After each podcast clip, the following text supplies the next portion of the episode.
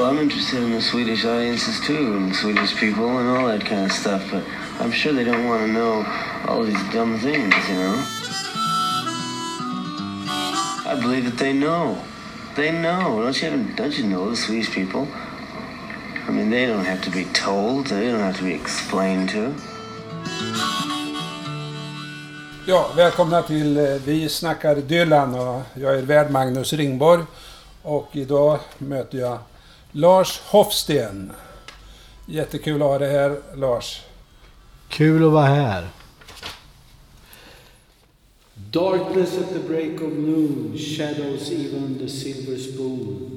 The handmade blade, the child's balloon, eclipses both the sun and moon. To understand you know too soon there is no sense in trying. Ja, det är underbart. Kolla här nu. Ståpäls. Ja, ja, Varje gång eller...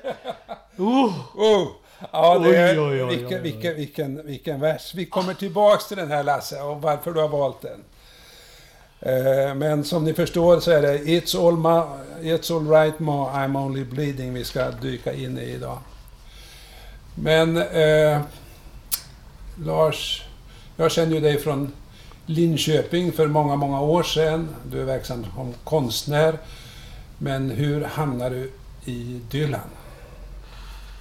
Jag kommer ihåg det väldigt väl. Jag var hemma hos en kompis och eh, vi brukade spela skivor för varandra. Och han hade köpt en singel med någon som hette Bob Dylan som hette då, eller heter eh, eh, Like a Rolling Stone. Och eh, jag vart väldigt omskakad. Och eh, på sikt fick det stor betydelse därför att eh, efter det liksom började jag ju forska i vem är Bob Dylan och vad har han gjort mera. Och då märkte jag, och det hjälpte mig att motivera mig att studera engelska. Så att eh, mitt engelska betyg gick upp väldigt kraftigt tack vare Bob Dylan. Därför jag förstod att det fanns något magiskt i de här texterna och ju mer liksom man lyssnade. Jag insåg att jag hade hört eh, Blowing in the Wind med Peter, Paul and Mary och sådär fast inte kopplat det till Bob Dylan om man säger så. Så att det var en otrolig upplevelse, kommer jag ihåg första gången jag hörde honom. Och jag fattade inte allting men jag, jag anade intuitivt att det här är något riktigt, riktigt stort. Ja, det, det, det är svårt att få fatt i vad, vad- det är där, men... Alltså det är det där trumslaget först, eller hur? Ja. Och så... Ja. Ja. Och de, jag lyssnade mycket på Rolling Stones och, och, och Beatles på den tiden. Och eh, liksom försökte hänga med i musiken så mycket som möjligt. Eh, men eh, mitt intresse för Dylan har väl i princip bara växt sen dess. Eh, för varje årtionde som har gått har jag imponerats och... Ja. Nej, han har betytt otroligt, betyder otroligt mycket för mig. Du, du kommer från en eh, musikfamilj, eller hur? Ja, pappa eh, var ju musiker och liksom farfar undervisade i trumpet på Frälsningsarmén och farmor var pianolärare och jag spelade piano för farmor. Och jag har en syster som eh, liksom har hängett sig och levt på musik. Så att eh, musik är det jag går på om man säger så. Det är batteriet, energikällan för det mesta jag gör. Jag känner ju till Gunnar Hofsten. Han var ju jazzmusiker, Ja. storbandsmusiker, Kantor kantor också. Ja. Han var väl en av Sveriges yngst utbildade kantorer. Jag tror han var 14 eller 15 år. Oj. Så att... Eh, nej, men musik är liksom... Och, och jag har haft en mamma som var väldigt musikintresserad. Så att eh, mycket av det nya fick jag höra väldigt tidigt. Pappa hade skivaffär till exempel. Och jag kommer ihåg när jag fortfarande lyssnade på Rövarna i Kamomilla stad och eh, Nicke Lilltroll. Och jag besökte pappa i affären och han gav mig en EP som hette Please Please Me with the Beatles. Och jag kommer ihåg vad han sa, att här har du framtidens Alltså, han, musik. han hörde det. Ja, 1963 på våren. ja. Jag var nio år. Och ehm, han skrev ju en världshit, eller hur? Jag vet inte vad jag skulle kalla världshit, men en, en, eh, en låt som både sjöngs in av Sarah Vaughan och Perry Como. vad jag förstår såldes ett antal hundratusen ex i USA. Som hette? På svenska Utan dig, på engelska I confess.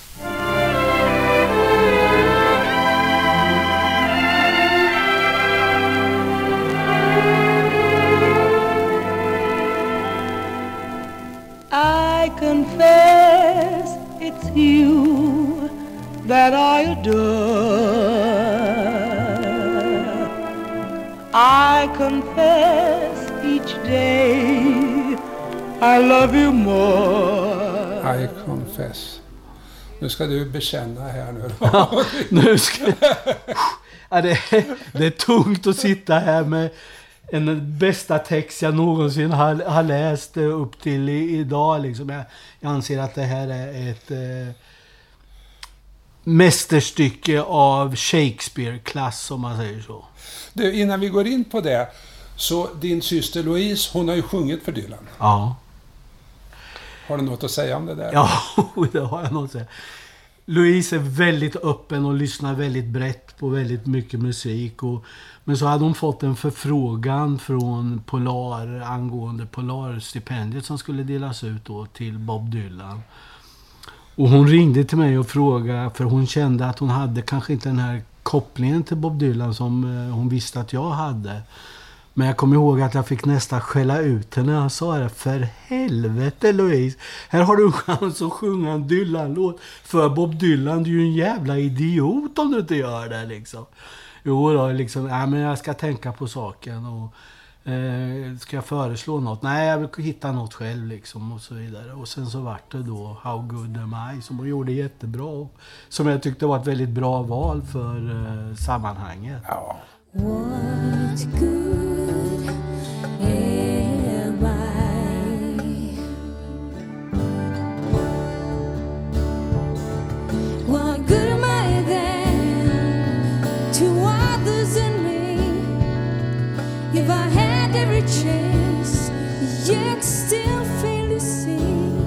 Hon var väl en av de få som lyckades locka fram vad som skulle kunna tolkas som ett leende.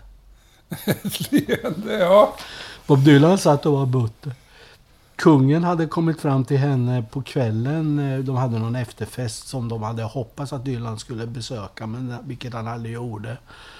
Till Bruno Köjers kanske stora besvikelse. Han var där, men kungen hade kommit fram till Louise och sagt Tycker du inte Dylan var lite stiff? Liksom. Det tycker jag var rätt roligt. Nej, men det var ju... Det, det klippet finns ju på YouTube. Ja.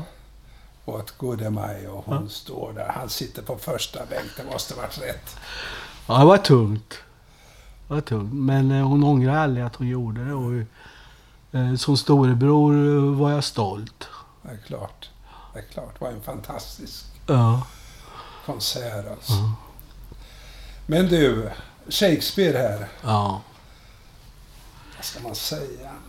Jag tillhör ju de som jublade när han fick Nobelpriset. Jag vet ju att det är lite kontroversiellt och så vidare. Men jag menar på liksom, hans, han, hans texter är odödliga och eviga. Liksom, det, mycket av det han har gjort. Och att han har producerat under så många år, liksom, är ju, det kommer aldrig att ske igen tror jag. Eh, Någon har ju sagt att den här låten, den här texten räcker för att motivera priset. Ja, ja. Okej, tår- ska, vi, ska vi titta lite grann då? Eh, Du läste upp första versen. Ja, Vad det är ju rätt olycksbådande början liksom. Jag känner ju att apokalypsen är nära liksom. Saker och ting står inte rätt till. Och, och, och, och där är ju... Jag hamnar hela tiden i det här. Vad, vad är det som gör att man fastnar? Eh, och, och, och det- är svårt att veta om det är tonfallet, om det är de- den musik som skapas utav rimmen och, och metern och, och allting. Men om vi tittar bara på orden här. Darkness at the break of noon. Alltså, Skymning vid lunchtid. Ja, men visst. Break of, bara break of Ja, Man just- säger break of day, men break Ja. of noon. Ja, men det har han hittat på. Ja. Men Darkness at Noon var ju en bok av Arthur Köstler som handlade om Moskvarättegångarna 36-37. Jo, men jag tror nog... Jag har förstått att han är ganska påläst och, och att, att mycket av de här titlarna eller fraserna eller så vidare kan vara sånt som dyker upp i skapandeprocessen. Eh, och eh, liksom att ändå att han går mycket på intuition och, och känsla. eh, Och, och bara känner att det fits. För, för man får ju det intrycket han har rätt mycket i skafferiet och så poppar det upp. Det, det tror jag. Det tror jag. Eh, Jag känner inte till den här boken du nämnde nu, men vi skulle kunna vara så att, eh, att den kom till honom i liksom ögonblicket han skrev det här. Och så kommer det, det här med Blade the Child's Balloon, Eclipses both the sun and moon. Alltså här, här, är, här är det mörkt va? Ja, här är det väldigt mörkt. Här är det väldigt mörkt.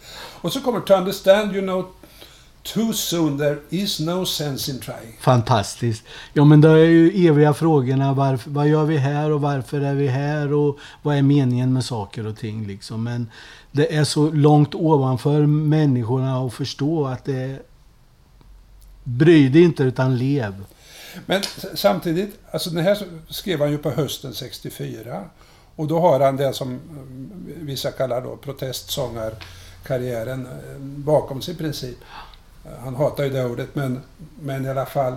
Men här säger han, there is no sense in trying. Nej. För, för om man tar tidigare låtar, till exempel The Times Are Changing, så är Ja. det ju... Då är allting åt helvete, men då, då säger han att, att ni kommer att drunkna om ni inte lär er simma och så vidare. Ja. Alltså det, det, det är ju ett löfte om en förändring Ja. där.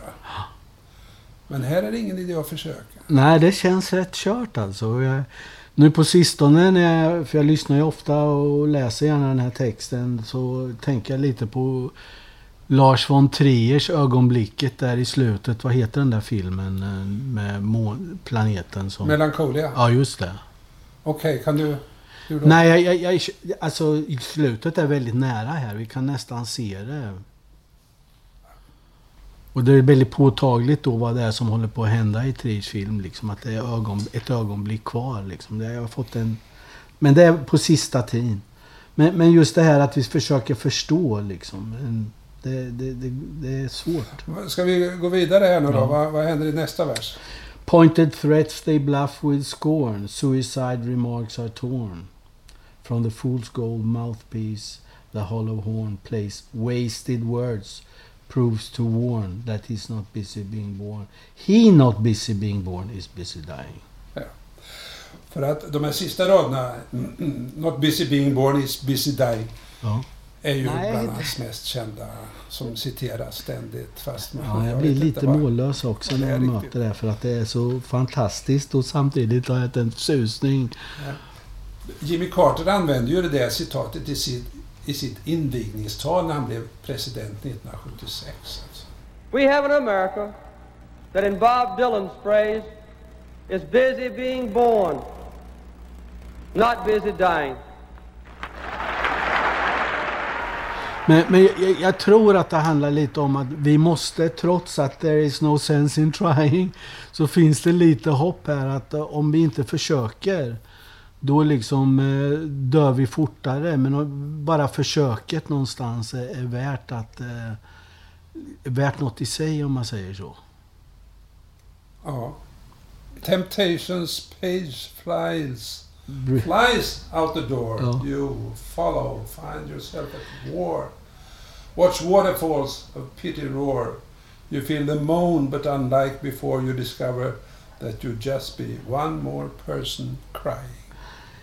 Temptations page liksom, vi är så jävla lättlurade och går på vad som helst liksom. Och nu tänker jag på Temptations page, eh, alla fraser eh, Trump eh, spyr ut sig och som folk går på. Och I have a beautiful health plan och it's gonna be beautiful in Korea. Jag menar, det är så absurt.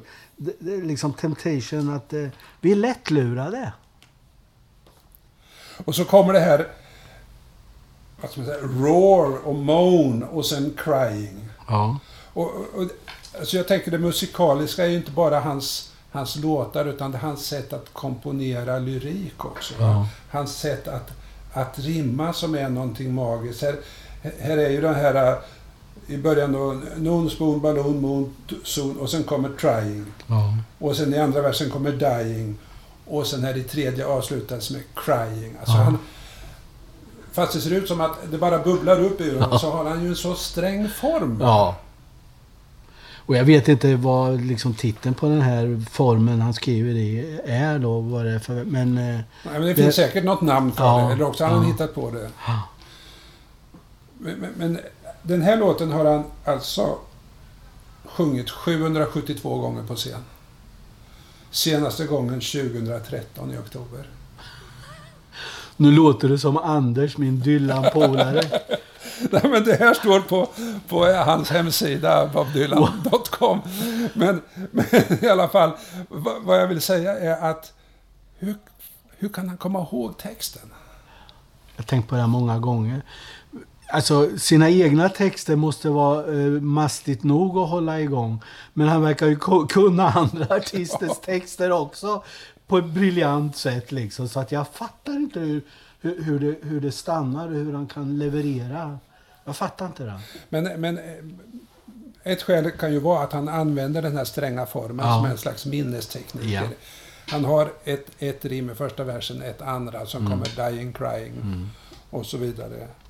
Eh, och sen, sen kommer det här som jag tycker skapar hela magin i låten.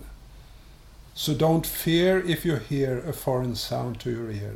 It's all right ma, I'm only sighing. Alltså han går ju ner här. Ja. För det här början, det är ju som en liksom, han bara dunkar på. Han andas ju knappt. Ja? Nej, det... Och så kommer det här, sakta ner tempot och det är som att han, han förnekar alltihopa. Ja men morsan, det är inget att vara skraj för Nej. det här. Jag bara gnäller lite eller suckar eller vad det är. Ja. Istället för att om man hade sagt det är ju för jävligt, det måste vi ändra på. Det hade blivit mycket sämre låt va. Ja. Ja, precis. Ja, ja, jag förstår. Allting är för jävligt men ah, jag bara suckar. Jag bara suckar, ja. Och vad har morsan med saken att göra? Jo, men det här med att vi vill lugna vår mor, mor, modern som oroar sig över sitt barn och som förstår Ja. vad den här går igenom och ser eller visioner. Men ändå liksom, mamma det är okej liksom, jag är stark eller jag, jag klarar det här liksom. För, för det här är ju det här som man också hamnar i med Dylan. Ja, skriver han om sitt liv och sin egen morsa? Nej, skulle jag säga. Nej, det tror jag inte heller. Utan det här är, han använder ma här för att få en slags, vad ska man säga, jag vet inte, dubbelexponering här. Ja, jo, men någon referens som vi alla kan förstå eller ha någon relation till på något sätt. Mamma. För hela låten sen är det ju, han blir ju översköljd av intryck och allting Ja. är ju motsägelsefullt och förjäkligt på olika sätt. Och så är det som att han på, på något sätt reflekterar till sin mamma och säger hur är det här alltså. Ja. Vad ser du sen då? Some warm victory, some downfall, private reasons, great or small, can be seen in the eyes of those that call to make all that should be killed to crawl, while others say don't hate nothing at all except hatred. Don't hate nothing at all except hatred. Ja. Som en, tycker jag, var någon slags genial paradox eller vad man ska Ja, säga. Ja.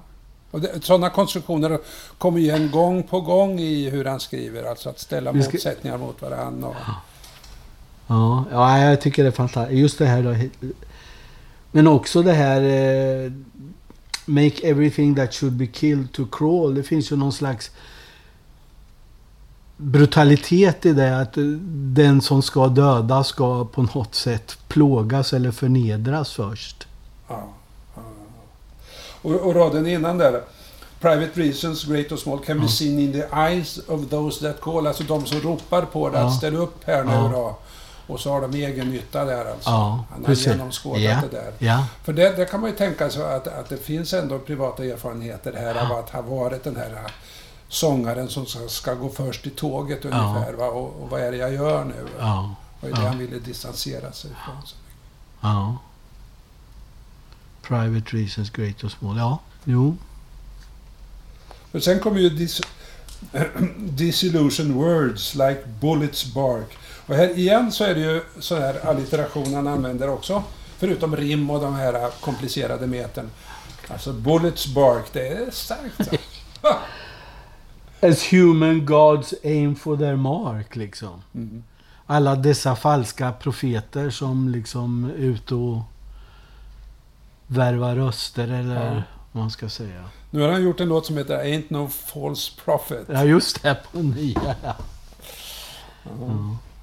Make everything from toy guns that spark to flesh-colored cries that glow in the dark. It's easy to see without looking too far. It's not much. It's really sacred. Också fantastiskt liksom. Allt som man har trott på eller som ska symbolisera någon helighet eller något sånt här, tänker flesh color, är bara eh, crap, bi- billigt eh, krimskrams. Och, och här är... Jag Och man tjänar pengar. Det, det är ju Jesus i templet. Ja, jag återkommer till Dylan som den här profeten ur Gamla Testamentet Ja. som predikar. Vad i helsike har ni ställt till med alltså? Det finns redan här, eller hur? ja. Nej, jag tänker på Jesus och månglarna i templet Ja. som han slänger ut liksom. Det är väldigt mycket. Det är många verser, hör du. Ja. Jag kan inte ta alla lika 15... noggrant, men- eh, men jag måste säga det här. While preachers preach of evil fates, teachers teach that knowledge waits can lead to hundred dollar plates. Uh, and goodness hides behind its gates. Den här frasen nu som kommer Ja, skapar det största jublet under den här sången. Varje gång du hör en liveupptagning av den här låten så... But even the president of the United States sometimes must have to stand naked. Då jublar hela konsertarenan. Alltid liksom. ja, Vare sig det är Nixon, Trump eller Obama eller Kennedy som liksom är president under tiden så, så blir det ett Ja, Kennedy- publikjubel. ja, men Kennedy var nog skjuten. Han var innan. skjuten då, ja. men Ja, visst. Johnson. Johnson. Och så kommer det här, den här sänkningen Ja. och, och, och, och, och, och sticket alltså. The rules of the road have been lodged, only people's games that you have got to dodge. And it's all right, ma. I can make it. Ja. Jag klarar mig, mamma. Men reglerna finns där, men de kan du inte lita det eller liksom luta det eller stödja det mot. Utan eh, människor kommer att luras och trixas med dig liksom ändå. Va? Men som sagt var, I can make it. Ja. Ja, det är svårt att hoppa över någonting här. Ja. Advertising signs that con you into thinking you're the one that can do what's never been done, that can win what's never been won. Meantime life outside goes on all around you. Man är lurad. Mm. You lose yourself, you reappear. Jag tänker ju här, alltså när man hör den här låten, okej du fastnade först för Like a Rolling Stone, Ja. så kom den här säkert rätt tidigt också eller? Ja. Minns du vad du hörde då? Ja, ja, det var ju ett, bild, ett bildspråk som var helt nytt för mig. Jag hade lyssnat mycket på Rolling Stones och, och Beatles och She Loves You and All My Loving och Tell Me och så vidare. Det här var ju ett sätt att uttrycka sig med ord på som jag aldrig hade kommit i närheten av innan. Och som sagt var, jag var tvungen att bli bättre på engelska liksom för att liksom få ett Ja, för, för jag tror grepp ju att man, om man fattar ju inte alltid. Nu sitter vi med närläsning här va. Ja. Men, men det man hör är ju en, en känsla, en, liksom den här, på ett sätt rap Ja. är det ju va. Eh, och, och, och där hans, hans känsla går in med, med först det här som jag säger kulsprutan och sen den här sänkningen. Och ja, men jag klarar det nog. Jag, eh. och det här i början, I'm only bleeding, säger, heter ju titeln. Ja. Det med blodet kommer ju aldrig tillbaka. va? Nej, precis. Jag tänkte på det också. Ja, men det som man redan i titeln vill tala om att det här är kanske värre än, än vad jag säger att det är. Ja. Nej, men jag är upptagen av det där att försöka förstå varför. Vad är det som fångar en? Alltså tonfallet som träffar någon känsla i mig som säger att det här är jag. För det är det som händer med så många som har fastnat för Dylan. va? Det här är jag. Jo. Det säger någonting om där jag är nu eller där jag var någonstans. så där. Jag kände väl att jag var inte så där ensam med mina grubblerier om man säger så. Utan, eh, och att det var bilder som eh, utmanade, som jag inte direkt förstod men som... Jag var mycket känsla, intuition att, att eh, det fanns något stort i det här. Så kommer den här... But though the masters make the rules for the wise men and the fools. Och sen den här raden som jag tycker är så stark. I got nothing more to live up to. Ja, Ja. det finns ingenting, inga ideal, ingenting. I've got nothing to live up to. Ja men det är ju lite tillbaka till det här, Not much is really sacred liksom. Det, allting håller på att vittra sönder omkring oss liksom. Eh, fanns det ett hopp liksom? Ja, man vi undrar om det finns något hopp någonstans här egentligen. Jag tänker lite på Goodness hides behind its gates också, en sån där fras.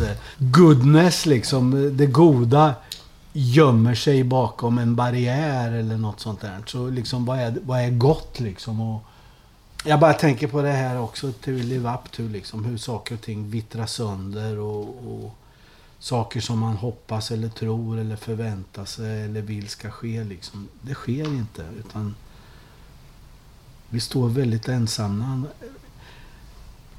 Det talar till mig som en människa bland många andra som jag tror känner samma sak. Men det känns också som att jag är, trots mamma, är, är jag ganska ensam i den här tillvaron. Och, och att det här är en människa som har levt och varit med om mycket ändå. Liksom. Den här insikten kan man inte ha.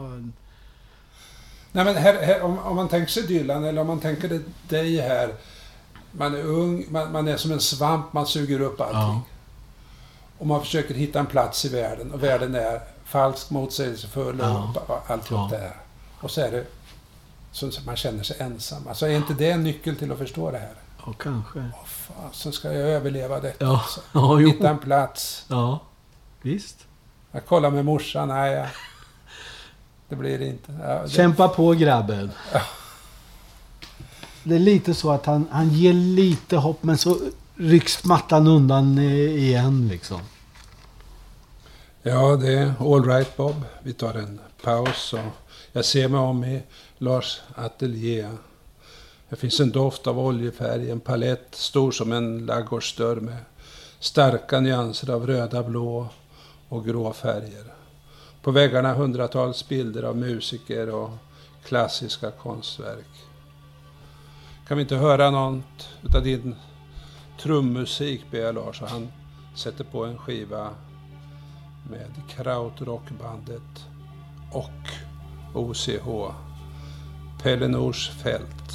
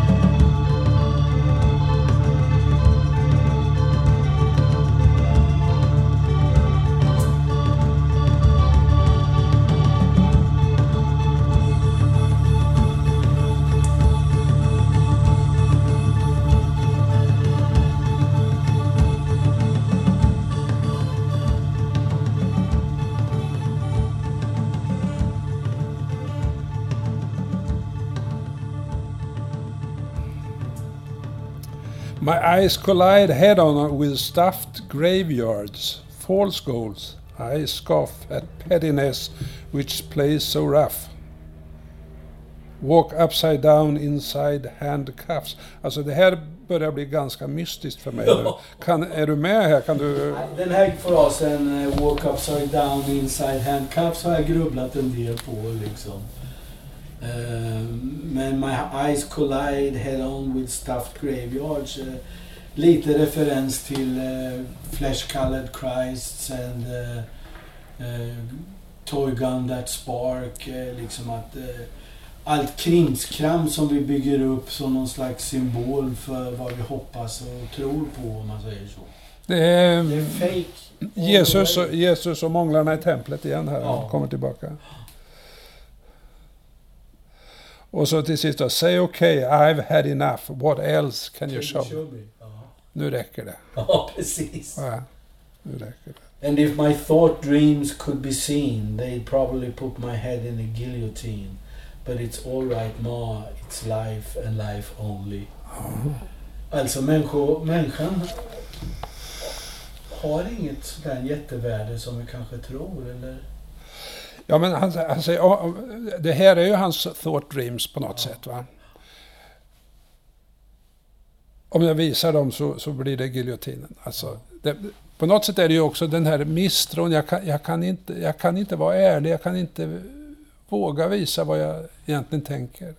Men för mig finns det i det här... Eh, eh, om jag skulle liksom redovisa mina innersta tankar. Det är alltså, denna fantastiska text vittnar om att det finns något ännu värre. Ja, eller så motsäger han sig själv. Ja. Han visar sina innersta tankar. Sen på sista raden säger det här kan jag inte visa.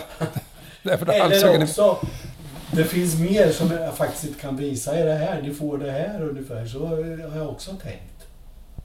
Och så kommer då sista raden här.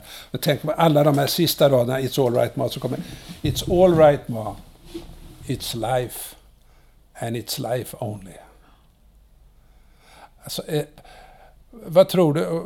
Är det en slags försoning här? Går han med på att ja, men så här är livet, jag får försöka stå ut med det? Eller?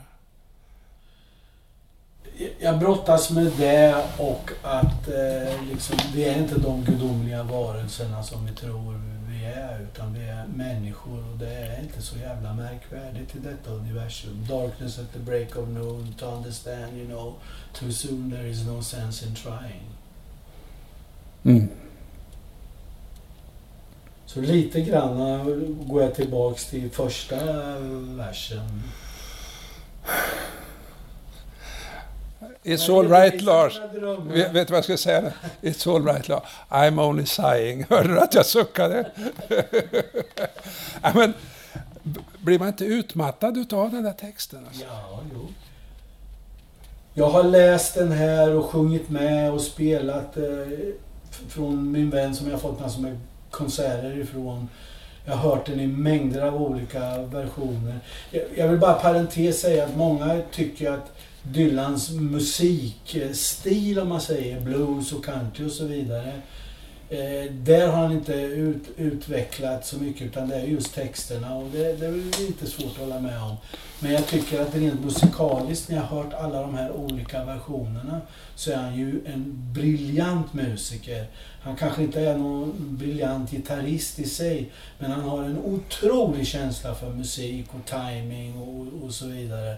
Så att liksom rent musikaliskt så har, det är inte bara texten utan de olika versionerna med bara gitarr eller med hela bandet. Musiken har kraftigt bidragit till att liksom lyfta det här. När, när han gör den på scen så gör han det ju oftast, verkar det som, eh, ensam med akustisk gitarr. Som jag har hört. mitt Dylan-förråd av konserter i en låda där. Men, och det skulle ta för lång tid att hitta någon version. Men jag har hört fantastiska med det bandet som han turnerar med nu. Och han turnerar med vad jag förstår i nästan 20 år. Har, har liksom fantastiska tung, tung blues. Men det kan vara något helt annat också. Det är väldigt bluesigt när han, han gör det. För om man tar de här i alla fall som man gör solo akustiskt så är ju det gitarrer, danta, danta, danta. Alltså det är ett väldigt driv i det där. Absolut. Och så mycket energi. Men, men eh, jag har också fastnat för när han gör i Budokan 1978, liveversion i Japan. Med fullt band, med sax och med full kör alltså. Det blir väldigt annorlunda. Ja. Jo. Har du, många, har du sett Dylan live? Ja, några gånger. Jag såg honom senast, eh, Waterfall, hans första Waterfall-konsert i Stockholm. Ja, Och det var tredje gången jag såg honom. Jag har haft turen att se honom tre gånger och jag tycker att alla tre konserterna har varit fantastiska. Den första var Save-turnén och sen när han eh, uppträdde på någon festival i Stockholm, det var något badställe, något sånt där skitbra också. Och när han får feeling och börjar spela gitarrsolon som han klarar sig utan men man förstår att han har fått feeling. Men den här första konserten på Waterfalls var Waterfront. Waterfront, Ja. just det, Waterfront, var magisk. Och jag vet att någon recensent skrev typ att det här make up for 30 years of bad Dylan concerts liksom. Han var i toppform, han sjöng bättre än han gjort på länge. Och han dansade. Gjorde lite moves på scenen och så vidare. Fantastiskt. Att, eh, jag vet att eh, texterna är det, är det som är mycket av Dylan, men jag tycker även musikaliskt liksom att eh, det känns att han lever i sitt musikarv. Att han, Men kan du inte berätta om den där Saved? Nej, vad, vad var det för en eh, konsert? han hade ju blivit kristen. Mm. Och eh, han hade ju med sig tre tjejer som sjöng, kom från gospelvärlden liksom. Så att han körde ja, allt från God gave name to all the animals och, och de låtarna. Och eh, vart ju utbuad. Han är ju rätt van vid det vad jag förstår. De här kristna låtarna var ju många Dylan-entusiaster som tyckte att, liksom, att han hade gått över någon slags linje då. Men han gjorde det fantastiskt Och var var det här någonstans? i Johanneshov. Ah. Skitbra. Mm. Men när plattan kom, Saved, liksom, då börjar man ju undra vad har hänt? Liksom. Men eh, live, där jag hörde, den konserten var briljant. Liksom. Du, eh, Lars, du berättade ju att, att Dylan har följt dig genom åren. Har han betytt något för dig som konstnär? Ja, det har han ju. Inte så att jag försöker illustrera Dylans texter eller något sånt där, utan det är mer att det ger energi och sätter igång hjärncellerna på något sätt. Och, eh, jag har ju lyssnat i perioder. Jag har haft veckor, månader då jag inte spelat något annat än Dylan. Och sen kanske det går några månader innan jag sätter på någonting igen. Men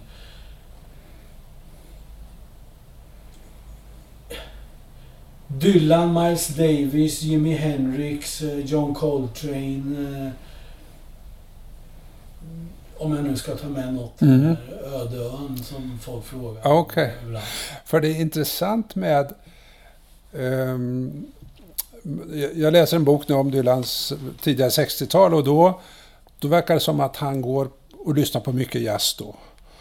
Och så i de, sista skivan så kommer det tillbaka en hel del jazzreferenser också. Som man kanske inte har tänkt så mycket kring Dylan. Nej, men om man lyssnar på hans uh, Theme Time Radio och radioprogrammen. Nu förstår jag att han har fått hjälp av skrivare och så vidare att sätta ihop de här programmen och vilka låtar och så vidare. Men vad jag har förstått så är han jävligt kunnig vad det gäller musik och har en jävla koll på väldigt, väldigt, väldigt mycket. Och mycket av det vi hör är ju sånt som han har plockat fram. Att han har inte bara en jävla massa texter i skallen utan han har en jäkla koll på musik. Alltså, eh, för han spelar ju både rap, hiphop, eh, country, swing, jazz, reggae och så vidare. Och plockar väldiga godbitar och mycket sånt som jag förstår lite av avsikten, aldrig spelas på radio. Men han har koll. Jag är otroligt imponerad. Och han har humor. Dylan har humor. men, det, men det hör man, tycker jag allra mest i de tidiga låtarna, hans Talking Blues, där de är ju helt liksom, det är ju Chaplin va. John Birch Society. Ja, ja, ja, ja. Du Lars, eh, nu har vi jobbat hårt. It's all right Lars, säger jag. I'm only sighing. Tack ska du ha. Ja, tack själv. samt nöje.